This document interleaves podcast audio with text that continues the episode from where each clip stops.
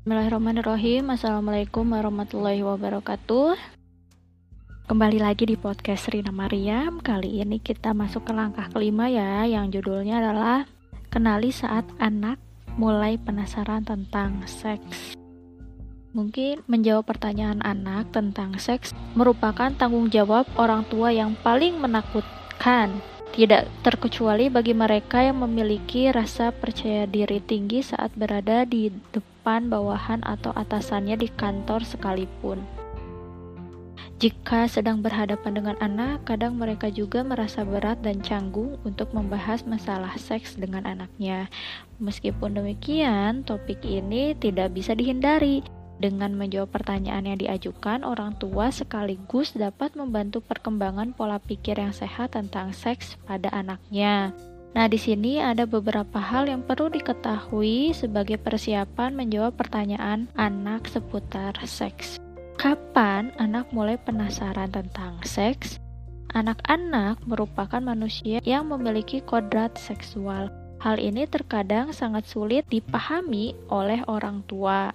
Misalnya, sama sulitnya seperti anak-anak memahami cara orang tuanya berhubungan seks. Bahkan bayi pun sudah memiliki rasa penasaran terhadap tubuhnya.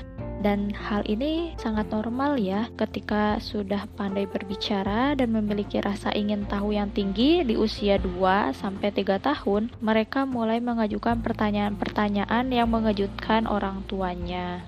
Terus, apa sih yang disebut tingkah laku seksual anak-anak? Nah, anak kecil terkadang menyentuh kemaluannya seperti ketika di kamar mandi atau saat mereka pipis.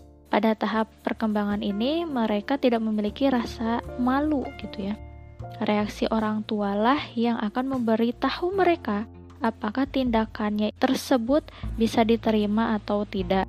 Tapi yang perlu diingat, anak-anak ini tidak boleh dibuat malu atau merasa bersalah atas rasa penasarannya pada tubuhnya sendiri, karena hal ini sangat alami.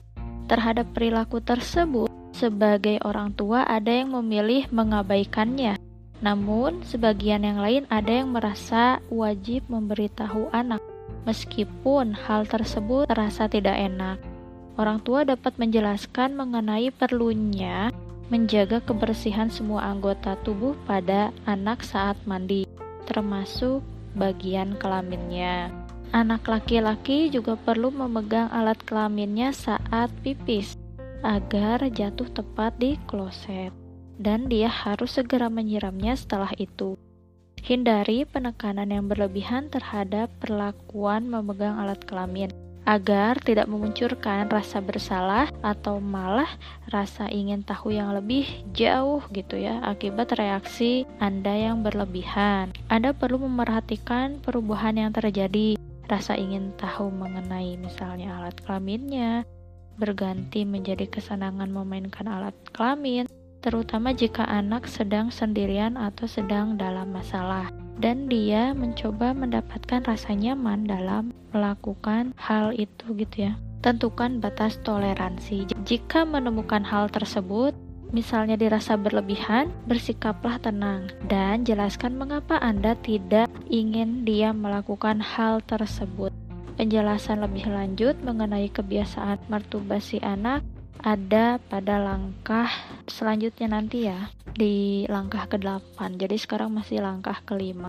Jadi tunggu aja. Terus apakah boleh menggunakan kata ganti untuk menyebutkan bagian tubuh yang bersifat pribadi?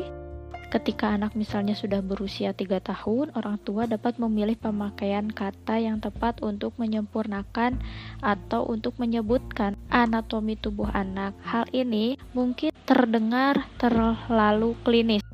Akan tetapi tidak ada alasan mengapa sebutan yang tepat tidak digunakan ketika anak sudah dapat melafalkannya dengan benar. Kata-kata misalnya seperti penis, vagina, atau sebagainya harus ditempatkan dengan benar tanpa perlu merasa risih. Dengan demikian, anak akan belajar cara menggunakan kata tersebut dengan tepat tanpa harus ada rasa malu. Sebuah penelitian menunjukkan bahwa 67% orang tua menggunakan nama yang sesungguhnya untuk menyebutkan bagian tubuh pribadi anak laki-laki dan perempuan. Jadi Anda tidak perlu khawatir merasa atau enggak. Jadi Anda tidak perlu merasa takut gitu ya. Jangan takut merasa sendirian dalam penerapan kebiasaan ini. Terus juga apa yang harus dilakukan ketika mendapati anak sedang bermain dokter-dokteran dan menunjukkan bagian tubuh pribadinya pada anak lainnya. Wah, gimana nih? Nah, anak usia 3 sampai 6 tahun biasanya suka bermain kan, bermain dokter-dokteran gitu. Banyak orang tua yang bereaksi berlebihan ketika melihat atau mendengar hal tersebut. Menanggapi hal ini dengan omelan merupakan tindakan yang nggak tepat gitu ya. Ketakutan orang tua terkadang memunculkan reaksi dengan menginterupsi permainan mereka. Hal yang dapat dilakukan adalah mengarahkan perhatian anak pada aktivitas lain duduk dan berbicaralah pada anak.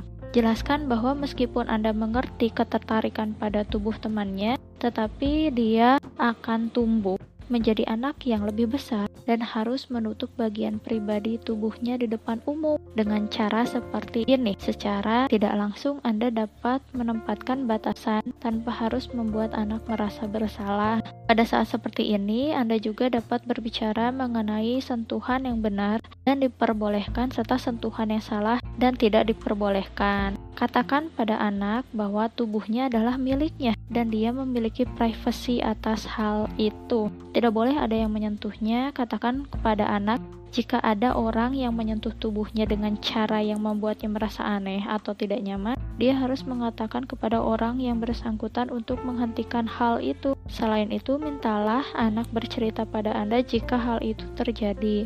Jelaskan padanya bahwa Anda sangat menyayanginya dan ingin mengetahui segala hal yang membuatnya tidak enak atau tidak nyaman. Wah, luar biasa ya. Mungkin itu bab 5 ya. Nanti kita lanjut ke bahasan bab 5 yang lainnya. Segitu dulu aja. Mungkin ada saran dari teman-teman, boleh. Terima kasih juga sudah mendengarkan.